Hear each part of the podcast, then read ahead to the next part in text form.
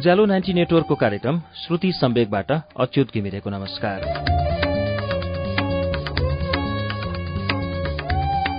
उज्यालो ninety network काठमाडौँसँगै देशभरिका विभिन्न FM स्टेशनहरूबाट एकैसाथ हरेक मंगलबार र शुक्रबार राति सवा नौ बजे कार्यक्रम श्रुति सम्वेक प्रसारण हुन्छ। श्रुति सम्वेकमा हामी वरिष्ठ लेखकहरूका उत्कृष्ट कृतिहरू वाचन गर्छौं।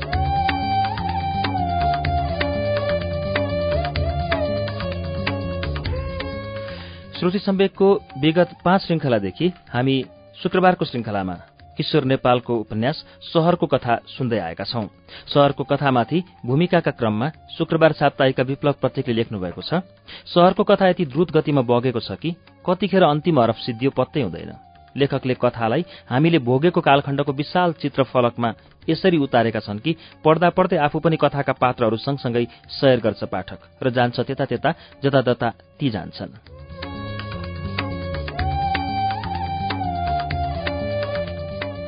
हाल नागरिक दैनिकका सम्पादक समेत रहनुभएका उपन्यासकार किशोर नेपालको शहरको कथाको पाँचौं श्रृङ्खला अब वाचन शुरू हुन्छ पृष्ठ सतासीबाट।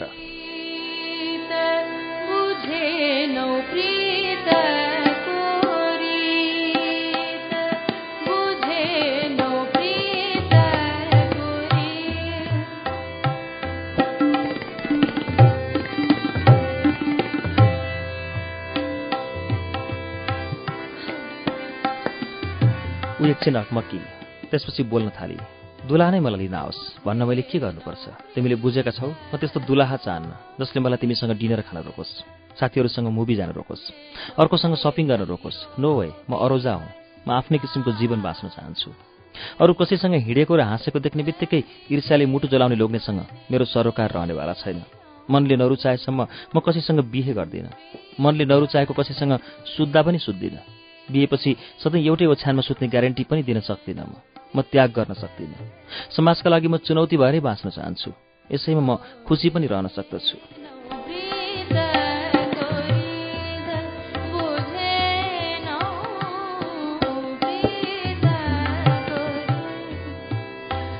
बोल्दा बोल्दै ऊ निकै भावुक भइसकेकी थिए। निकै आवेशमा आइसकेकी थिए। उसका आँखामा आँसु भरिन थालेका थिए। फ्रेन्च वाइनले उसको नसामा कडा तरङ्ग निम्त्याउँदै थियो। मैले उसलाई अझै जिस्काएँ तिम्रो प्लान त राम्रै रहेछ तर तिमीसँग बिहे गर्ने त्यो बबुरोले तिमीलाई बेहोर्न भने निकै गाह्रो छ। एक्काइसौँ शताब्दीको गफ जति गरे नेपाली केटाहरूले तिम्रो जस्तो लाइफस्टाइल भएकी मनमौजी केटीलाई कसै गरे पनि धान्नै सक्दैन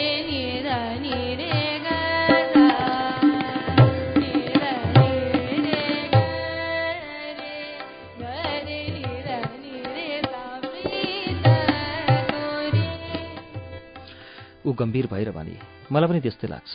म नेपाली केटासँग बिहे गरेर जीवन गुजार्न पक्कै सक्दिनँ होला। विदेशीसँग बिहे गरेर पनि उनीहरूकै जस्तो उन्मुक्त जीवन बाँच्न सक्दिनँ होला। मलाई बन्धन पनि चाहिन्छ। यस्तो धागो जसले मलाई आफ्नो समाजसँग जोडिराखोस्। मेरा लागि उन्मुक्ति र स्वतन्त्रताको ठूलो महत्व छ।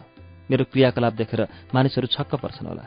मभन्दा पनि उन्मुक्त केटीहरू धेरै छन्। तिनीहरूको तुलनामा म त कठै हुँ। मेरो र उनीहरूका बीच धेरै ठूलो फरक छ। उनीहरू सफलताका लागि चोर बाटो अगाल्न पल्केका छन्। म शरीर नै बन्धक राखेर सफल हुन चाहन्न। काम पाउनकै लागि म कसैसँग सुत्न तयार छैन। आफ्नो आनन्दका लागि जे पनि गर्न सक्छु। ट्युनिङ मिल्यो भने जोसुकैसँग सुत्न तयार हुन्छु। जीवनमा असफल भए पनि ठिकै छ बरु। मेरा लागि मेरो शरीर महत्त्वपूर्ण छ। यो बन्धक राख्ने कुरा होइन। अब बुझौ मेरा मनका कुरा?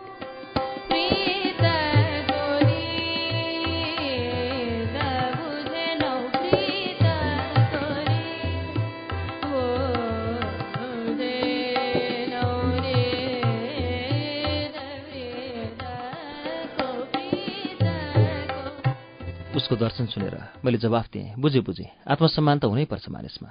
आफ्नो मनले नमानेसम्म केही कुरा नगर। मनले मानेको दिन केही गर्न पनि नछोड। आज के भयो तिमीलाई? बिहेको बारेमा निकै धारा प्रवाह कुरा गरिरहेकी छेउ नि। उसले जवाफ दिए केही दिनदेखि लगातार सपनामा बिहे गरेको देखिरहेको छु। हिजो रातिको सपनामा त म साँच्चै जन्तेको साथ दुलाहाको घरतिर गइरहेकी थिएँ। कस्तो उल्टो सपना है? मैले फेरि जिस्काएँ केटा नै नखोजी कस्तो बिहे गरेकी त सपनामा? रेस्टुरेन्टको ढोकामा माला लिएर उभिने अनि आउने जाने जो राम्रो लाग्छ त्यसैलाई माला लगाइदिने विचार छ कि के हो?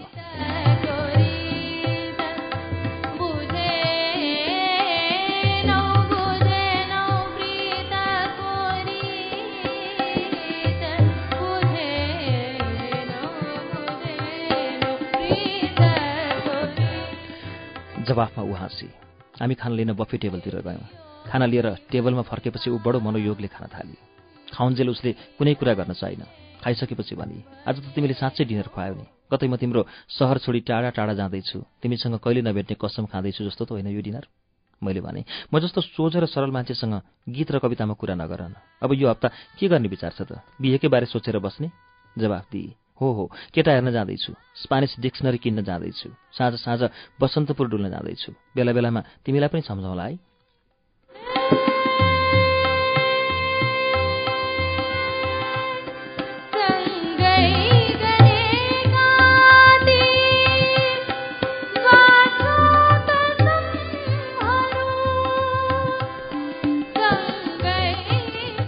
फेरि जिस्काएँ। पिज्जा खाँदा मलाई सम्झनु र मेरो नाममा एक कप कफी पनि पिउनु है। हुन्छ त्यो चाहिँ दुई चार दिनपछि गरौँला। अहिले त पर्स रित्तो छ। त्यसपछि ऊ केही झर्के जस्तो गरेर भने मेरो बिहेको बारेमा तिमीलाई किन यत्रो चिन्ता हो? कि म यही विषयमा एउटा शानदार छलफल कार्यक्रम चलाउँ तिमीलाई मुख्य वक्ता बनाएर? ल ल अब चिन्ता लिन्न। के चिन्ता लिनु? चिन्ता लिए पनि नलिए पनि तिम्रो बिहे नहुनेमा म ढुक्क छु। तिमी जस्तै मिमसँग बिहे गर्ने हिम्मत कुन केटामा होला र? मिम भनेको के हो? उसले शब्द बुझिन। हामी झिलिक्क परेका विदेशी महिलाहरूलाई मिम भन्ने गर्दथ्यौँ हाम्रो जमानामा। तिमी हलिउडका हिरोइनहरूलाई सम्झ न मिम भनेको मोडर्न। अचेलका केटाका लागि तिमी हेभी मेटेरियल छौ मिम साहेब अन्डरस्ट्यान्ड किन म त्यस्तो हेभी छु र उसले सोधी? छौ त। किन? छौ छौ। उसले प्रसङ्ग बदली। हिजो साथीहरूसँग सिनेमा हेर्न गएकी थिएँ। सिनेमा हेर्दा हेर्दै लाग्यो म पनि यो सिनेमाका पात्रहरूमध्येकी एउटी हुँ।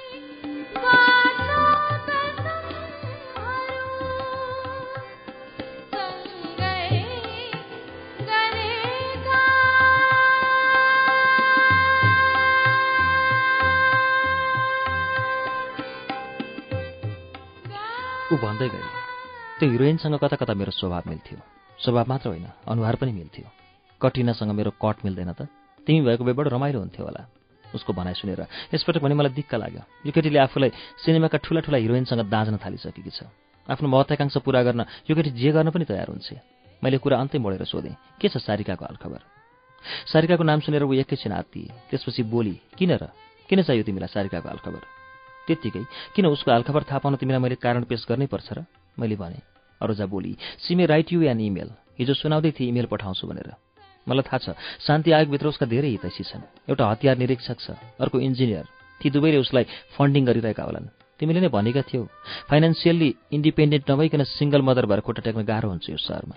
अहिले त त्यसको बिहाल छ। मनगणन्ते कथा सुनाउँदै मानिसहरूलाई जालमा पार्न थालेकी छ।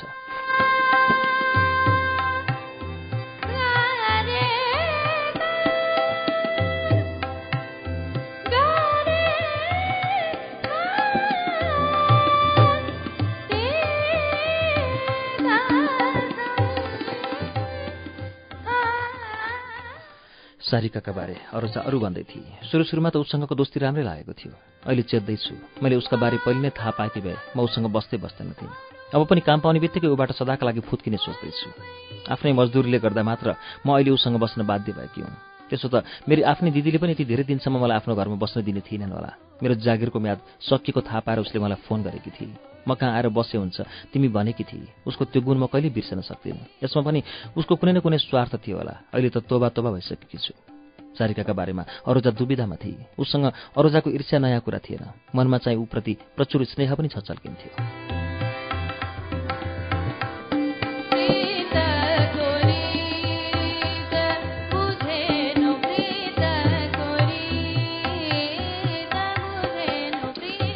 अरू चुप भएपछि मैले बिस्तारै सोधेँ तिमी सारिकालाई माया गर्छौ कि घृणा?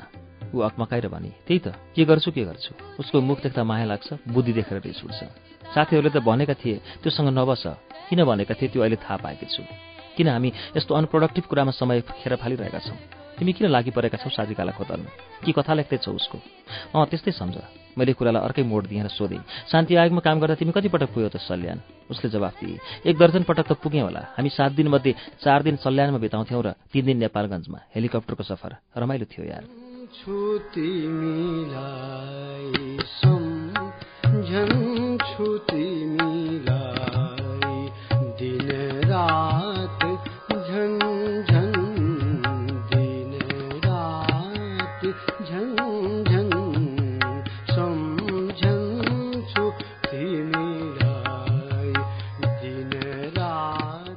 फेरि सोधेँ। सल्यानको सदरमुकाम मात्रै गयो कि अन्त पनि? सदरमुकाम नजिकको एउटा गाउँमा गएका थियौँ। एउटी बुढी आमा भेटिन् र आँखाभरि आँसु पारेर भनिन् ए नानी हो मेरो छोरो खोजिदेऊ न। सिपाहीहरूले पनि छोएको छैन भन्छन्। माओवादीहरूले पनि लगेको छैन भन्छन्। एउटा नाति थियो। ऊ पनि सुरुङ खनेको खाल्डोमा परेर मर्यो यसो डिलमा उभिएको थियो। गुडुङ्ग पड्कियो। के पड्कियो पड्कियो। घरै हलिने गरी। नाति त खाल्डामा परिसकेछ। हेर्दा हेर्दै सखाप भयो। तिनको कुरा सुनेपछि त मलाई नै डर लाग्यो गाउँतिर जान। त्यसपछि उसले सदरमुकामको होटलवालाले सहरिया केटीहरूलाई ठगेको कुरा बताएकी थिए सफा लुगा लगाएका हामी जस्ता मानिस त देख्नै नहुने। एउटै अन्डाको बिस रुपियाँसम्म दाबे। धेरै बाठा रहेछन् त्यताका मानिसहरू। दसको पचास र पचासको सय हाँक्न त बेरै नलाग्ने।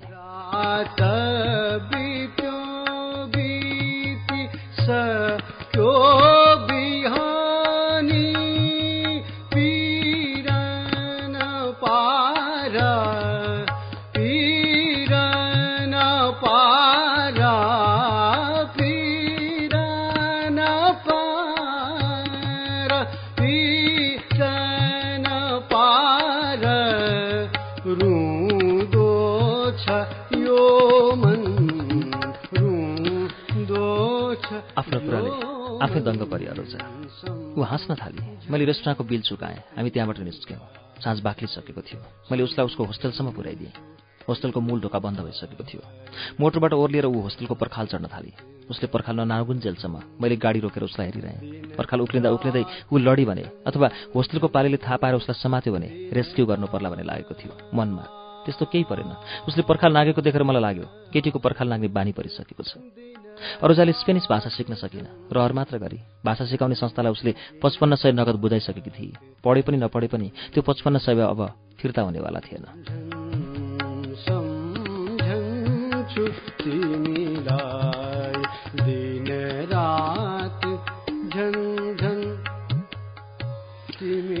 रोजाले मलाई बताएकी थिए सारिकाले फ्रेन्च भाषा सिकिसकेकी छ। ऊ फरर र फ्रेन्च भाषा बोल्न सक्छ। आजको संसारमा उन्नति गर्न चाहनेले अङ्ग्रेजी मात्रै जानेर पुग्दो रहेनछ। त्यसबाहेक कुनै एउटा अर्को भाषा जान्नै पर्ने रहेछ। अहिले स्पेनिस र चाइनिज भाषाको मार्केट गरम छ। फ्रेन्च भाषा पढेर के गर्नु? मोपासाको कथा पढेर पेट भरिँदैन। मलाई थाहा थियो यो अरोजाको आफ्नै बुद्धि बोलेको थिएन। यो बुद्धि उसले इन्टरनेटमा सिकेकी थिए। या त च्याट या इमेलबाट कसैले स्पेनिस र चाइनिज भाषाको महत्त्व बताएको थियो उसलाई।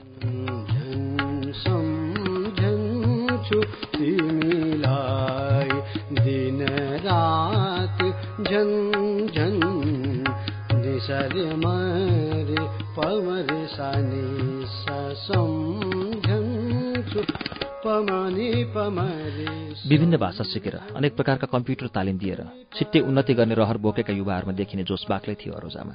उसँग पर्याप्त पैसा भएको भए दिनभर प्रशिक्षण लिन सहरको कुना कुनामा खोलिएका सबै स्कुल पुग्ने थियो अरे हातमा ब्याग झुन्ड्याएर सधैँ यता र उता दगुरी राखेको भेटिन्थ्यो अरे अरोजाको ज्ञान सीमित थियो। प्लस टू सिस्टमले केटाकेटीहरूको ज्ञान खासै बढाउन नसके पनि महत्वाकांक्षाको पखेटा उमार्ने काम भने प्रशस्तै गरेको थियो। प्लस टू पछि तालिमको आकर्षण सुरु भएर कम्प्युटर ल्याङ्ग्वेज ट्रेनिङ हुँदै सालसा डान्ससम्म पुग्न थालेको थियो। जबको के दुःख? पाए अन्त नपाए अरब देशहरूमा जन्त भन्ने मान्यता पालेर बाँच्ने केटाकेटीहरू बगालका बगाल भेटिन्थे सहरमा।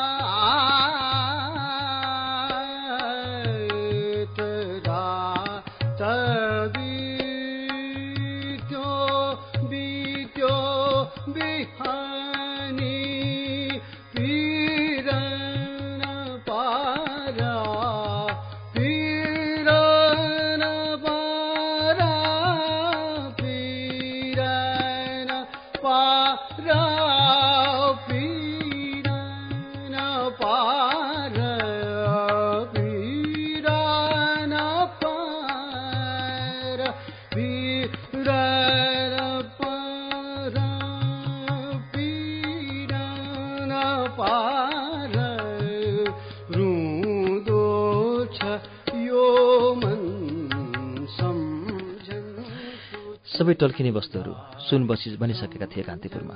यी सुनहरू बिहान घामको झुल्कासँगै एकैछिन झिलिक्क टल्कन्थे र साँझ पर्दा नपर्दै खियाले छोपिने गर्दथे। बिहान जन्मिएर कामको खोजीमा हिँड्ने अनि राति मरेर कोठामा लम्पसार पर्ने पुरानै रोग हो कान्तिपुर सहरको। त्यो साँझको डिनरपछि अरोजा एकाएक गायब भई उसको न कुनै मेसेज आयो न टेलिफोन। मैले धेरै पटक उसँग सम्पर्क राख्ने प्रयास गरेँ तर उसको मोबाइल बन्द थियो। सुप्रिमो र सरकारबीच देशमा चुनाव गराउने ताजा सहमति भएपछि शान्ति आयोग र विदेशी दात्री संस्थाहरू एकपटक फेरि चुनावको तयारीमा चल्न चटपटाउन थालेका थिए। राजनीतिक गतिविधिहरूमा गतिशीलता आउन थालेको थियो। शान्ति आयोगमा इलेक्ट्रोल प्रोसेस सुरु भएकोले विदेशी चुनाव विशेषज्ञहरू ओइरिन थालेका थिए। अरोजाको रोजगारीको चान्स पनि बढेको थियो।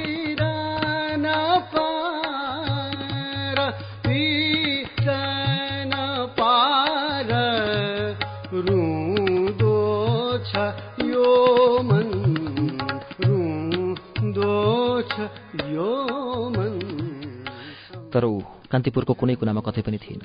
उसको अत्तोपत्तो थिएन। मलाई शङ्का लाग्यो। कतै ऊ कुनै केटोसँग पल्सर बाइकमा टाँसिएर राजमार्गमा हुर्किँदा हुर्किँदै दुर्घटनामा त परिन? सहरमा पल्सर बाइकको फेसन चढ्दो थियो। बाइक पछाडि बस्ने केटीहरू चालक केटाहरूसँग लिपिक्क टाँसिएर स्पिडमा दगर्न खुब रुचाउँथे। यो रुचि धेरै दुर्घटना र धेरै केटाकेटीको कालको कारण बनिसकेको थियो। जेसुकै होस् मलाई के को खाँचो? मैले चित्त बुझाउन खोजेँ। संयोग त्यही साँझ उसले कल गरी म त कान्तिपुर बाहिर छु साथी। कामको खोजीमा चितवनतिर। मैले भने चितवनमा काम? गैँडाको गोठालो लाग्ने विचार छ कि क्या हो? उसले कुरा खोल्दै भने म जेकोबसँग शान्ति आयोगको पोखरा अफिसमा जब अप्लाई गरेर आएँ कि? जेकोबले मेरो उद्धार गर्ला जस्तो छ यसपटक। फर्केर तिमीसँग कुरा गरौँला। उसको कुरा सुनेर म छक्क परेँ। जब अप्लाई गर्न पोखरा ऊ झन्डै एक सातादेखि जेकोबसँग घुमिरहेकी थिए पोखरा र चितवन। कस्ती केटी? जबको नाममा मोज गर्न दौडेकी छ जेकोबसँग। काले खुब लठारी होला ठन्टीसँग। जबका लागि पोखरा पुगेको त बाहना मात्रै हो। आखिर पोखरामा परेका एप्लिकेसनहरू पनि यहाँ नआई प्रोसेस हुँदैन थियो। प्रोसेस पुरा नभई सेलेक्सन फाइनल हुने सम्भावना थिएन। अरोजा यस्तै पत्रु केटीहरूले जस्तो मलाई लागेको थिएन। बडो डिङ आक्ति मसँग त। साले बिस्तारा भइस कालेको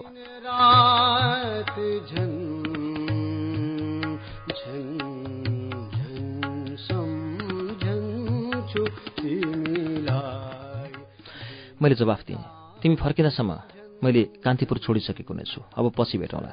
उसले निकै रुको जवाफ दिए। नेभर माइन्ड अब एक दुई हप्तामा नै म पनि काममा खटिसकेको हुनेछु पछि भेट होला कुनै दिन।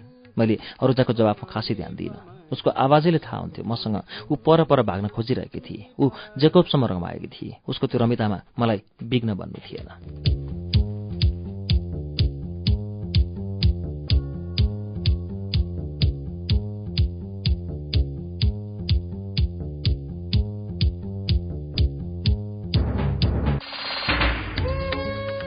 कार्यक्रम श्रुति सम्वेगमा हामीले अहिले सुनिरहेको किशोर नेपालको उपन्यास शहरको कथाको वाचन हो। श्रुति सम्वेकको अहिले सुनेको अंशमा प्रयोग भएका पृष्ठभूमि संगीतहरू किरातेश्वरमा पूर्णिमाको अवसर पारेर रेकर्ड भएका नेपालका वरिष्ठ शास्त्रीय संगीत कर्मीहरूको आवाज र वाद्यवादन हो। यसको बाँकी अंश केही बेरमा वाचन हुनेछ। उज्यालो सुन्दै गर्नुहोला।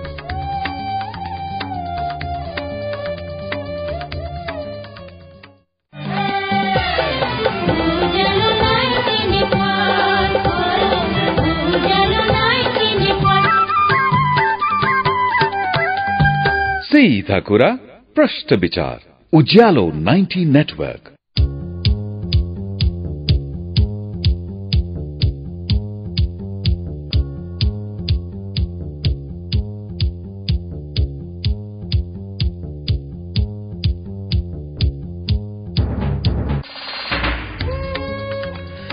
कार्यक्रम श्रुति सम्वेक तपाईँ अहिले उज्यालो नाइन्टी नेटवर्क काठमाडौँसँगै इलाम एफएम रेडियो ताप्लेजुङ झापाको एफएम एसी ट्युन्स र वीरता एफएम धरानको विजयपुर एफएम भोजपुरको रेडियो चमोलङमा एफएम सिन्धुलीको रेडियो सहारा खोटाङको हलेसी एफएम बर्दिवासको रेडियो दर्पण सर्लाहीको रेडियो एकता रौतहटको नुनथर एफएम रामेछापको रेडियो तीनलाल खोटाङको हलेसी एफएम दोलखा जिरीको रेडियो हिमाली नुवाकोट एफएम मकवानपुरको हेटौँडा एफएम र प्रतिध्वनि एफएम चितवनको रेडियो अर्पण रेडियो त्रिवेणी र रेडियो चितवनमा पनि सुनिरहनु भएको छ।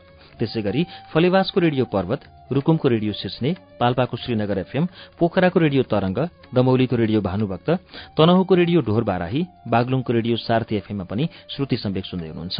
रेडियो प्युठान दाङको रेडियो मध्यपश्चिम बुटवलको तिनाउ एफएम र बुटवल एफएम गुल्मीको रेडियो रेसुङ्गा कपिलवस्तुको रेडियो बुद्ध आवाज रेडियो कोहलपुर सल्यानको रेडियो राप्ती जाजरकोटको रेडियो हाम्रो पाइला दैलेखको ध्रुवतारा एफएम कैलाली टिकापुर र गुलेरियाको फुलबारी एफएम दाङको रेडियो प्रकृति एफएम सुर्खेतको रेडियो भेरी जुम्लाको रेडियो कर्णाली र कालीकोटको रेडियो नयाँ कर्णालीबाट पनि अहिले एकैसाथ श्रुति सम्वेक प्रसारण भइरहेको छ।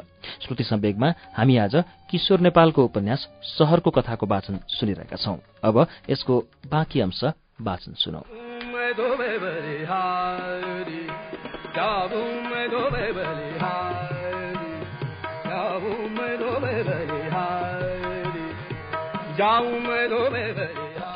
एकपटक फेरि म आफ्नो नियमित अफिसियल भ्रमणमा निस्केँ। यसपटक मलाई सुदूरपश्चिमको कालीकोट पुग्नु थियो। देशमा हिंसा उत्कर्षमा पुगेको बेला चामल बोक्ने हेलिकप्टरमा बोराहरूसँगै र बोराहरूसँग ओचिएर म आफ्नो टिमसँग कालीकोट पुगेको थिएँ। चारैतिरबाट पहाडहरूले घेरिएको त्यो अँध्यारो थुम्कोमा पुग्दा मलाई साह्रै रमाइलो लागेको थियो। एकपटक दोहोऱ्याएर त्यहाँ पुग्ने रहर मेटिएको थिएन मेरो। पहिलोपल्ट म त्यहाँ पुग्दा कालीकोटको एकमात्र सहर मानमा विभिन्न साइनबोर्डहरूले छोपिएको थियो। शुद्ध तोरीको तेलदेखि परिवार नियोजनको भरपर्दो उपायसम्म नुन चिनी पानी पिलाएर बालबालिकालाई झाडा पखालाबाट जोगाउने उपायदेखि वृद्ध नागरिकको सम्मान गर्ने आग्रहसम्म विकासको काममा लागेका दाता समुदायका कार्यकर्ताहरूलाई हिंसाको मारबाट जोगाउने प्रार्थनादेखि आयोडिन मिसिएको नुन खाएर गलगाँडको रोकथाम गर्ने निर्देशनसम्म एड्सबाट जोगिने चेतावनीदेखि भोक विरुद्ध लड्ने आह्वानसम्म मानवको आकाश सन्देशहरूले पुरै घेरिएको थियो। बाँकी बचेका भित्ताहरूमा फाँसीवादी शाही सेना र निरङ्कुश राजतन्त्र भारतीय विस्तारवाद र अमेरिकी साम्राज्यवाद जनवर्गीय एकता र जनवादी राष्ट्रपतिको चयन जस्ता नाराहरू कोरिएका थिए।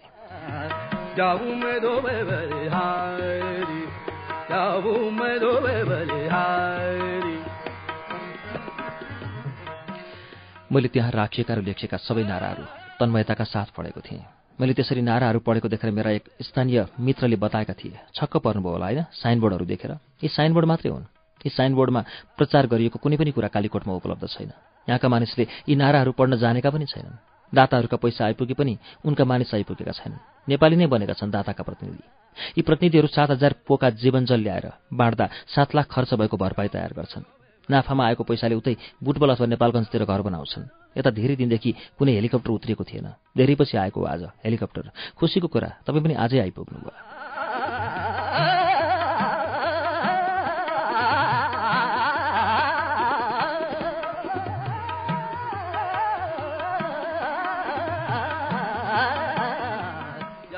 यो पटक म अफिसकै जीपमा कालीकोट पुग्ने मनस्थितिमा थिएँ। सुर्खेतको बाङ्गे सिमलबाट खनिएको कर्णाली राजमार्गमा मोटर चल्न थालेको खबर सुनेपछि मनमा निकै उत्साह छाएको थियो। अझ टेलिभिजनमा कालीकोट हुँदै जुम्लासम्म मोटर पुगेको दृश्य देखेपछि त मेरो उत्साहले आकाशै छुन खोजेको थियो।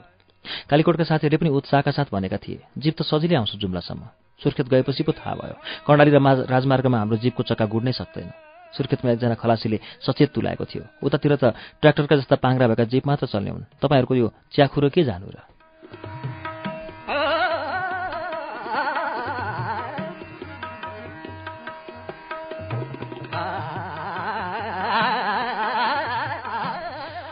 हाम्रो जीपको पाङ्रा ट्र्याक्टरको जस्तो नभए पनि हामी आफ्नै च्याखुरो जस्तो जीपमा कालीकोट जान आवश्यका थियौँ। सुर्खेतका साथीहरूबाट राजमार्गको वास्तविक अवस्था थाहा पाएपछि हिँड्नुभन्दा पहिले मैले ठट्यौलो पारामा टिमका साथीहरूसँग भनेको थिएँ तपाईँहरूमध्ये कसैलाई ज्यानको साह्रै माया छ भने यतै बस्नुहोला। हामी कालीकोट पुगेर फर्क्यौँ भने सँगै जाउँला कान्तिपुर। हामी सत्ताइस घन्टाको अथक यात्रापछि मात्रै सुर्खेतबाट कालीकोटको मानमा सहर पुगेका थियौँ। खण्ड खण्डमा सडक बन्दै थियो। यो सत्ताइस घन्टामा सात घन्टा हामीले राकम कर्णालीको एउटा होटलमा बिताएका थियौँ। कर्णाली नदीका माछा चाखेर। कर्णालीको किनार छोडेर जीप मानमतिर उक्लन थालेदेखि नै चिसोले हामी कठ्याङ्गिन थालेका थियौँ हाम्रो जीपको वरपर सयौँ नाङ्गा भुतुङ्गा केटाकेटीहरू झुम्बिएका थिए उनीहरू कहिले हामीलाई हेर्थे कहिले जीपलाई कहिले आफ्नो शरीरको महत्त्वपूर्ण अङ्गलाई हत्केलाले छोप्ने प्रयत्न गर्थे कहिले जीपको पछिल्लो ढोकाको ह्यान्डिल समाएर झुन्डिन खोज्दथे उनीहरू कसैको शरीरमा कट्टु थिएन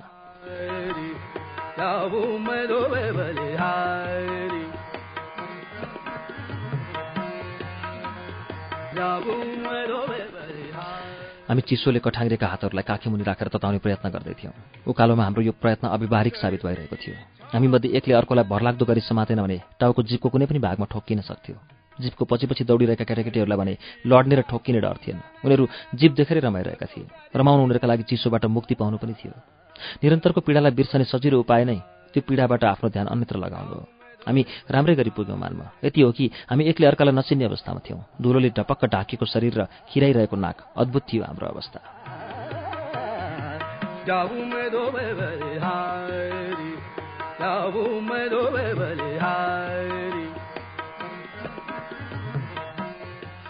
देशमा भएका राजनीतिक उथलपुथलहरूले मानवमा कुनै हिसाबले पनि परिवर्तन ल्याएको देख्न सकिनँ मैले। सहरमा साइनबोर्डहरू अझ थपिएका थिए। केही पुराना साइनबोर्डहरूको रङ फुङ्ग उडेको थियो। केही नयाँ थपिएका साइनबोर्डहरू चम्किरहेका थिए।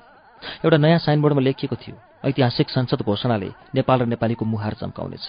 तर यहाँका मानिसहरूको अनुहारमा संसद घोषणा र त्यसपछिको संविधान सभाको चुनाव घोषणाले समेत कुनै चमक ल्याउन सकेको थिएन। सबैको अनुहार रस्ने चोरीको कागती जस्तो देखिन्थ्यो सेतो र सपाट। मानिसहरूले नयाँ नेपालको नाम सुनेका थिए। नयाँ नेपालको अर्थ कसैले बुझेका थिएनन्।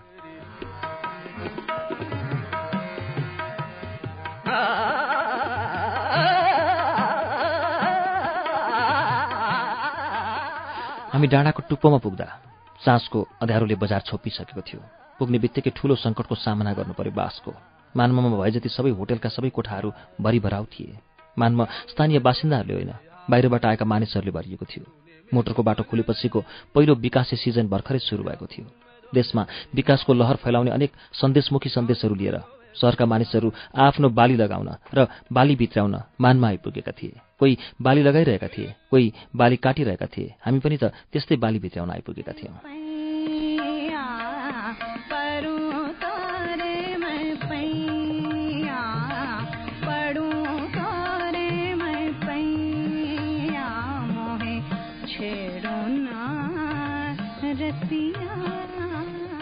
हामीले जेनतेन रात कटायौँ। साथीहरू कसै गरी सुत्न सकेनन्।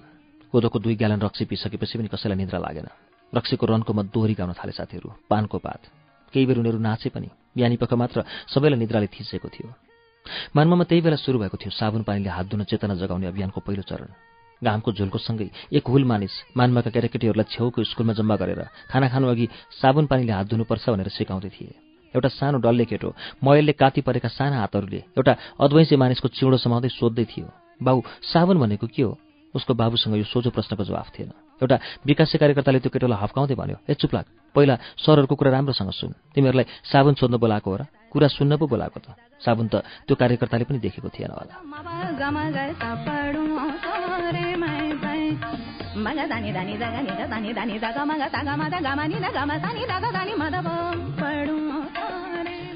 बिहान बिउजेको एक घन्टापछि नै टिमका साथीहरू मानमासँग उक्ताइसकेका थिए। उनीहरू छिटोभन्दा छिटो काम सकेर साँझसम्म तल ओर्ने तर्खरमा थिए। मेरो चाहना सदरमुकाम भनिने यो सानो सहरमा एक दुई रात बिताउने थियो। यो ठाउँको अँध्यारोले बिछट्टै आकर्षित गरेको थियो मलाई। टिममा हिँड्दामा बेफाइदा नै यही हो कि मानिसले आफूले चाहे जस्तो केही गर्न सक्दैन। आफ्नो एक्लो इच्छामा भन्दा सबैको इच्छामा दगोर्नुपर्छ टिममा हिँड्नेहरूले। हतार हतार मध्याहसम्म काम सकेर पोका पुन्तरा बाँध्न थालिसकेका थिए साथीहरू। हाम्रो गाडीको चालक भने बिहानैदेखि बेपत्ता थियो। धेरै बेरसम्म मानवाका सबै पसल र होटलमा खोज्दा पनि ऊ भेटिएको थिएन। ऊप्रति साथीहरूको आक्रोश बढ्न थालेको थियो। कस्तो गैर जिम्मेवार मान्छे रहेछ।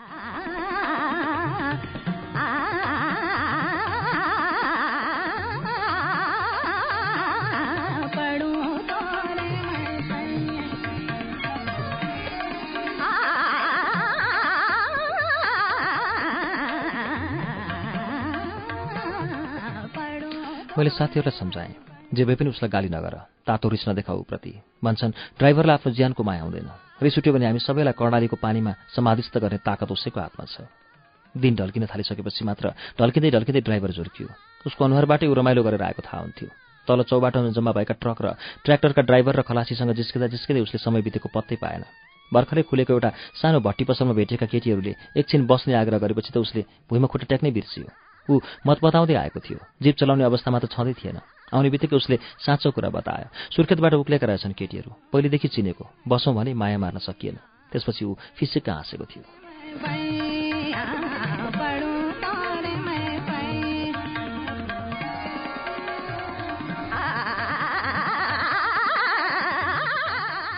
उसलाई देखेर साथीहरू मुरमुरिनुसम्म मुरमुरिएका थिए। तर कर्णालीमा जल समाधि लिन कोही पनि तयार थिएन। त्यसैले रिसलाई मनभित्रै दबाएर उनीहरू चुपचाप लागेका थिए। हामी साँझको गतिविधिमा लाग्ने तयारी गर्न थाल्यौँ। हामी मध्येको एउटा साथी कुखुराको खोजीमा हिँड्यो। अरू साथीहरू दाल भातको व्यवस्था गर्न थाले। त्यति नै बेला मानवको आकाशमा एउटा हेलिकप्टर देखा पर्यो। हेलिकप्टर छेउको हेलिप्याडमा बस्न खोज्दै थियो। त्यही बेला कुखुराको खोजीमा गएको साथी लखतारान परेर हातमा एउटा कुखुरा च्याप्दै आइपुग्यो। कस्तो महँगो। एक किलो पनि मासु नभएको यति सानो चरोको पन्ध्र सय रुपियाँ। उसको कुखुरा खरिदको कथा निकै रोचक थियो। तर मेरो ध्यान कथातिर भन्दा हेलिकप्टरतिर केन्द्रित थियो। यो हेलिकप्टर आजै फर्कने भए साथीहरूलाई यसैमा फर्काएर आफू जीपमा बिस्तारै आउने योजना मनमनमा बनाउँदै थिएँ म। मैले साथीहरूसँग भने तिमीहरू यो हेलिकप्टरमा सुर्खेत जाओ र मलाई त्यहीँ पर्ख म पर्सिसम्म आइपुग्छु। कसैले पनि मेरो प्रस्ताव मानेन।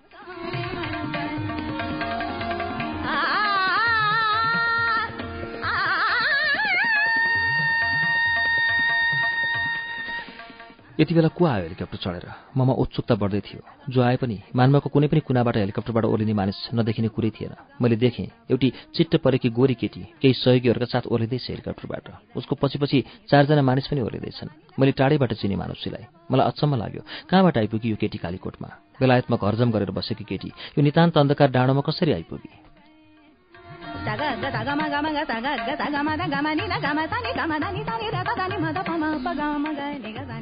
मानिसको काफिला बिस्तारै हामीतिर आइरहेको थियो। नजिक आएपछि मैले उसलाई बोलाएँ हाई मानुसी मेरो आवाजले ऊ झस्केर मतिर हेरी। ओहो दाई म त तपाईँलाई कान्तिपुरमा खोजिरहेको थिएँ। तपाईँ त यहाँ पो भेटिनुभयो। How nice to see you मानुषले मलाई मानमा बजारको बिचमा बेलायती तरिकाले अभिवादन गरी अङ्कमाल गरेर त्यहाँ उभिनेहरूका लागि यो दृश्य अस्वाभाविक रमिता भयो मैले हाँस्दै भने हो त म यतै छु अहिले। तिमी कसरी आइपुग्यौ यहाँ? मानुषी नेपाली गाउँघरका जनतालाई समावेशी लोकतन्त्रको अर्थ बुझाउन आएकी थिए सात समुद्र पारीको देश बेलायतबाट। यसका लागि उसलाई बेलायतको एउटा ठूलो संस्थाले पठाएको थियो। समयमा कानुन पढेको फाइदा लिएकी थिए उसले। ऊ विद्वान थिए तर जतिसुकै विद्वान भए पनि उसलाई कालीकोटका गाउँहरूमा ज्वरो र झाडापखालाका सामान्य उखतीहरूसम्म पनि पाइँदैनन् भन्ने जानकारी थिएन। कालीकोटका कतिपय चुलाहरूमा एक छाक आगो बल्दैन भन्ने पनि थाहा थिएन उसलाई। तैपनि भाग्यमानी त नेपालीहरू भाग्यमानी नै हुन्। खान नपाए पनि प्यास मेटाउन नपाए पनि ओखती मुलो नपाए पनि उनीहरूका बीच निरन्तर ज्ञानको प्रवाह भइरहेको थियो। नेपालीहरूको कानमा ज्ञानको बतास चलाउन देशी र विदेशीहरू सबै जुटेर उनीहरूलाई संसारका सबै वाद र प्रतिवादहरूका बारेमा जानकारी दिइरहेका थिए।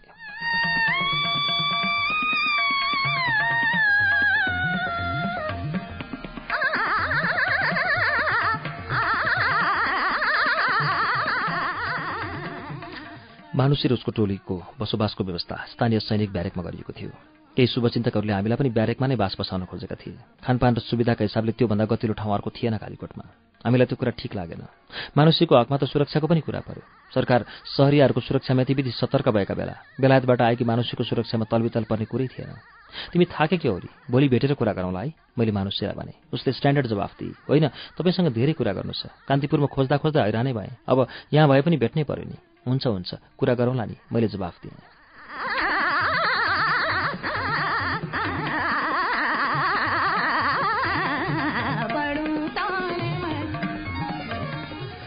उसको काफिला ब्यारेकतिर बढेपछि म साथीहरूसँगै रमाउन थालेँ।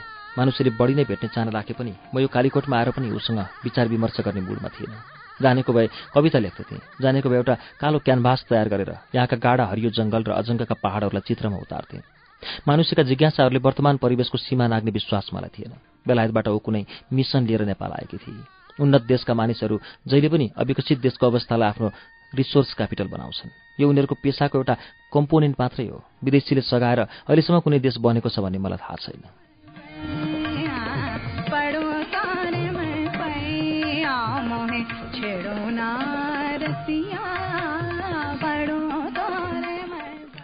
मानुषीसँग कुरा गर्न थप केही समय मानवमा रोकिने मनस्थितिमा म छँदै थिइनँ। म भित्रको जिनियस मनुष्यले तत्काल विचार गरेको थियो। मनुष्यले अरोजाको बेरोजगारीको समस्या समाधान गर्न सक्छ। त्यसका लागि पहिले त अरोजा तयार हुनु जरुरी थियो। त्यति कामका लागि मानुष्यलाई मानवमा भेट्नै पर्दैन थियो। कान्तिपुर पुगेर चिल्लो घसे पनि भइहाल्थ्यो। भोलिपल्ट सखारै लोकलको धङधङ्गीले चप्प सुकेको मुखसम्म पनि कुल्ला नगरी हाम्रो टिम मानमाबाट ओर्लियो। सूर्योदय हुँदा नहुँदै हामीले कालीकोट जिल्लाको सिमाना काटिसकेका थियौँ।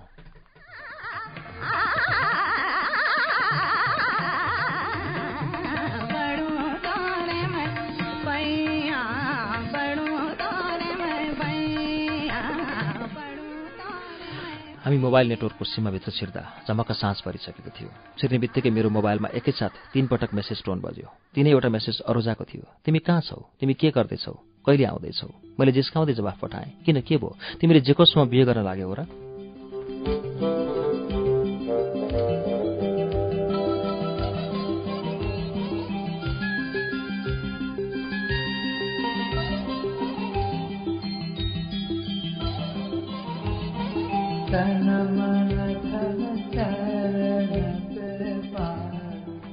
एकैछिनपछि उसको मेसेज आयो। उसको मेसेजबाटै थाहा हुन्थ्यो। मैले पठाएको मेसेज या त उसले पढेकै थिइनँ या जानी जानी जेकबको प्रसङ्ग इग्नोर गरेकी थिए लेखेकी थिए मलाई साथीभाइले कुनै न कुनै गिफ्ट दिइरहन् जस्तो लाग्दछ। पहाडबाट आउँदा मलाई पनि यसो केही जडीबुटी ल्याइदेऊ न है। यार्चा गुम्बा चाहिँ ल्याउने होइन नि। मलाई रमाइलो लाग्यो। जवाफ दिएँ। मैले त त्यही त्यही ल्याइदिने विचार गरेको छु।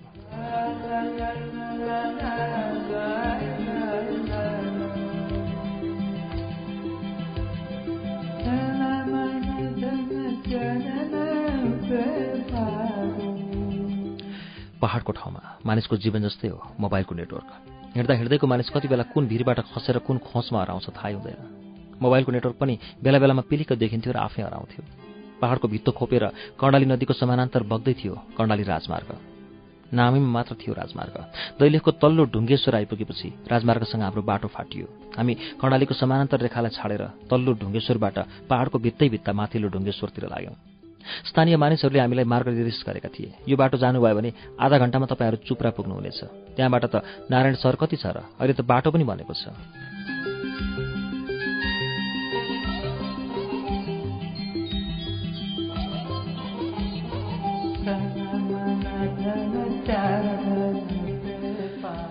वास्तवमा हामी कालीकोटबाट फर्किँदा नै कर्णाली राजमार्गको उच्चाट लाग्दो लम्बाइबाट उक्ताइसकेका थियौँ। हामीले नयाँ बाटोबाट आफ्नो यात्रालाई अघि बढाए पनि उच्चाट भने उस्तै थियो। नारायण सहरसम्मको यात्रा सुगम थिएन। चालक अलिकति पनि हल्लिँदा हाम्रो जेब एकैपल्ट सयौँ फिट तल चुप्रा नदीमा खस्न सक्थ्यो। त्यतिखेर चालकलाई हाम्रो भन्दा पनि आफ्नो ज्यानको माया बढी थियो। ऊ बडो सतर्क भएर गाडी हाँक्दै थियो।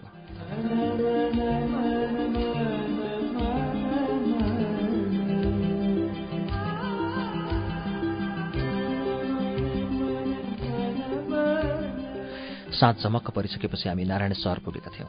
हामी पुग्दा सहरका सबै पसलहरू बन्द भइसकेका थिए। हाम्रो बासको प्रबन्ध मिलाइएको लजको साउ काउन्टरको मेचमा बसेरै घुर्दै थियो। त्यहाँ मोबाइल नेटवर्कको समस्या थिएन। पुग्ने बित्तिकै मेरो मोबाइलमा एकपटक फेरि पेन्डिङ मेसेजहरूको वैरो लाग्यो। अरूजाले लेखेकी थिए राति सपनामा मैले तिमीलाई देखेँ। तिमी जैन मन्दिर निरको फास्टफुड तन्दुरीमा रेस्टुरेन्टमा चिकन चपाइरहेका थियौ। तिम्रो गाडी त्यही रेस्टुरेन्ट अगाडि पार्क गरेको थियो।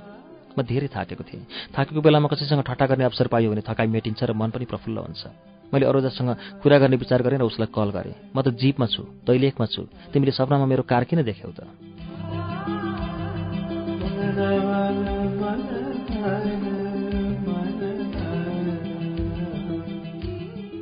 उसको जवाफ आयो हाँस्दै देखेँ त सपना। सपना तिम्रो अनुमति लिएर देखिने कुरा होइन तिमी कहिले आउने कान्तिपुर? म त फेटा खोज्दैछु।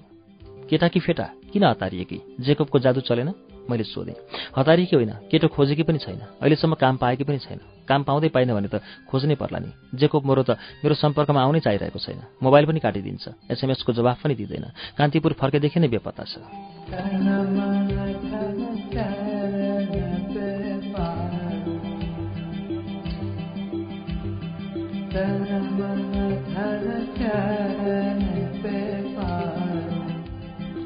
मैले सोधेँ। अरू के गर्दैछौ त? भोलि नाटक हेर्न जाने विचार छ। लौ त रमाइलो गर। नाटक मुबारक होस्। तिमी कान्तिपुर कहिले आउने? यो महिना पनि सकिन थालिसक्यो। शान्ति आयोगमा यसपल्ट पनि बोलाएन। अरूको प्लेसमेन्ट भइसक्यो अरे। मैले त अझै काम पाउन सकिनँ। उसले भने म के गरौँ त? मेरो सिफारिस लाग्दैन नत्र तिमीले काम पाइसक्थ्यौ।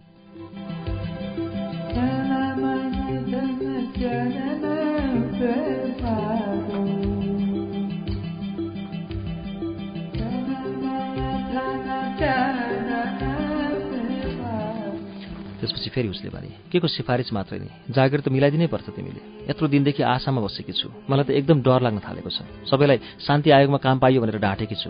जेकोबको भर गरेकी थिएँ मोरोले डुबाइदिने भयो। काम त पाइहालिन्छ नि। तिम्रो रोजाइ नै चर्को छरको समस्या भएको। त्यो त हो। मान्छेलाई ठग्दा ठग्दा आफैलाई लाज लाग्न थालिसक्यो अब त। स्पानिस पढ्दैछौ त मैले सोधेँ। त्यो त शब्द सुन्ने बित्तिकै रिस उठ्न थालेको छ। यस्ता कुरा नगर न बरु मलाई के ल्याइदिन्छौ? कसैले केही न केही उपहार ल्याइदिए हुन्थ्यो जस्तो लाग्छ मलाई उसले भने। उपहार त छँदैछ स्पेनिस सिकेको भए काम लाग्थ्यो नि। काम त लाग्थ्यो तर क्लास जानै मन लागेन। पैसा पो त्यसै खेर गयो।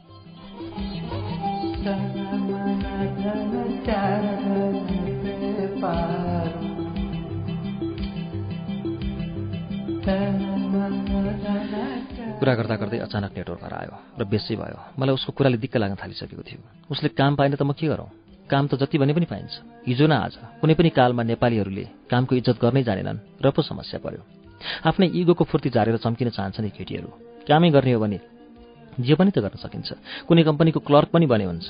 कुनै रेस्टुरेन्टको वेटर बने पनि आम्दानी राम्रै हुन्छ। कुनै स्कुलको मास्टर बने पनि हुन्छ। ब्युटी पार्लर खोले पनि चल्छ। जस्तो कि मानुषीले लन्डन जानु अघि कान्तिपुरमा धेरै थरीका काम गरेकी थिए केही दिन त डिपार्टमेन्ट स्टोरमा सेल्स गर्लको पनि काम गरे। ऊ कामको इज्जत गर्थे। लन्डन गएर पनि पबमा काम गरेकी थिए लन्डनमा त अझ ऊ लगभग अर्धनग्न भएर ग्राहकहरूलाई ड्रिङ्क सर्भ गर्थे। त्यसो गर्दा पनि कसैले उसलाई बलात्कार गरेन। उसको इच्छा विपरीत कसैले उसलाई सुताउन सकेन। उसको उन्नतिको बाटो रोकिएन। झन् उन्नति गरी। सम्पर्कहरू बढाएर स्थापित भई। त्यो पनि बेलायत जस्तो मुलुकमा।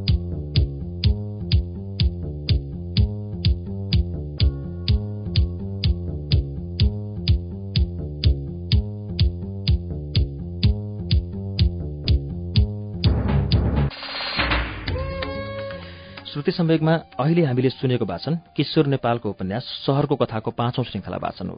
यो वाचनसँगै अब आजलाई कार्यक्रम श्रुति सम्वेकबाट विदा लिने बेला भएको छ। विदा हुनु अघि हाम्रो ठेगाना कार्यक्रम Shruti Sambek Ujyaalo ninety network post box number छ चार छ नौ काठमाडौँ। यदि इमेलबाट तपाईँ आफ्नो प्रतिक्रिया दिन चाहनुहुन्छ भने हाम्रो इमेल ठेगाना SHRUTI Shruti at UNN dot com dot NP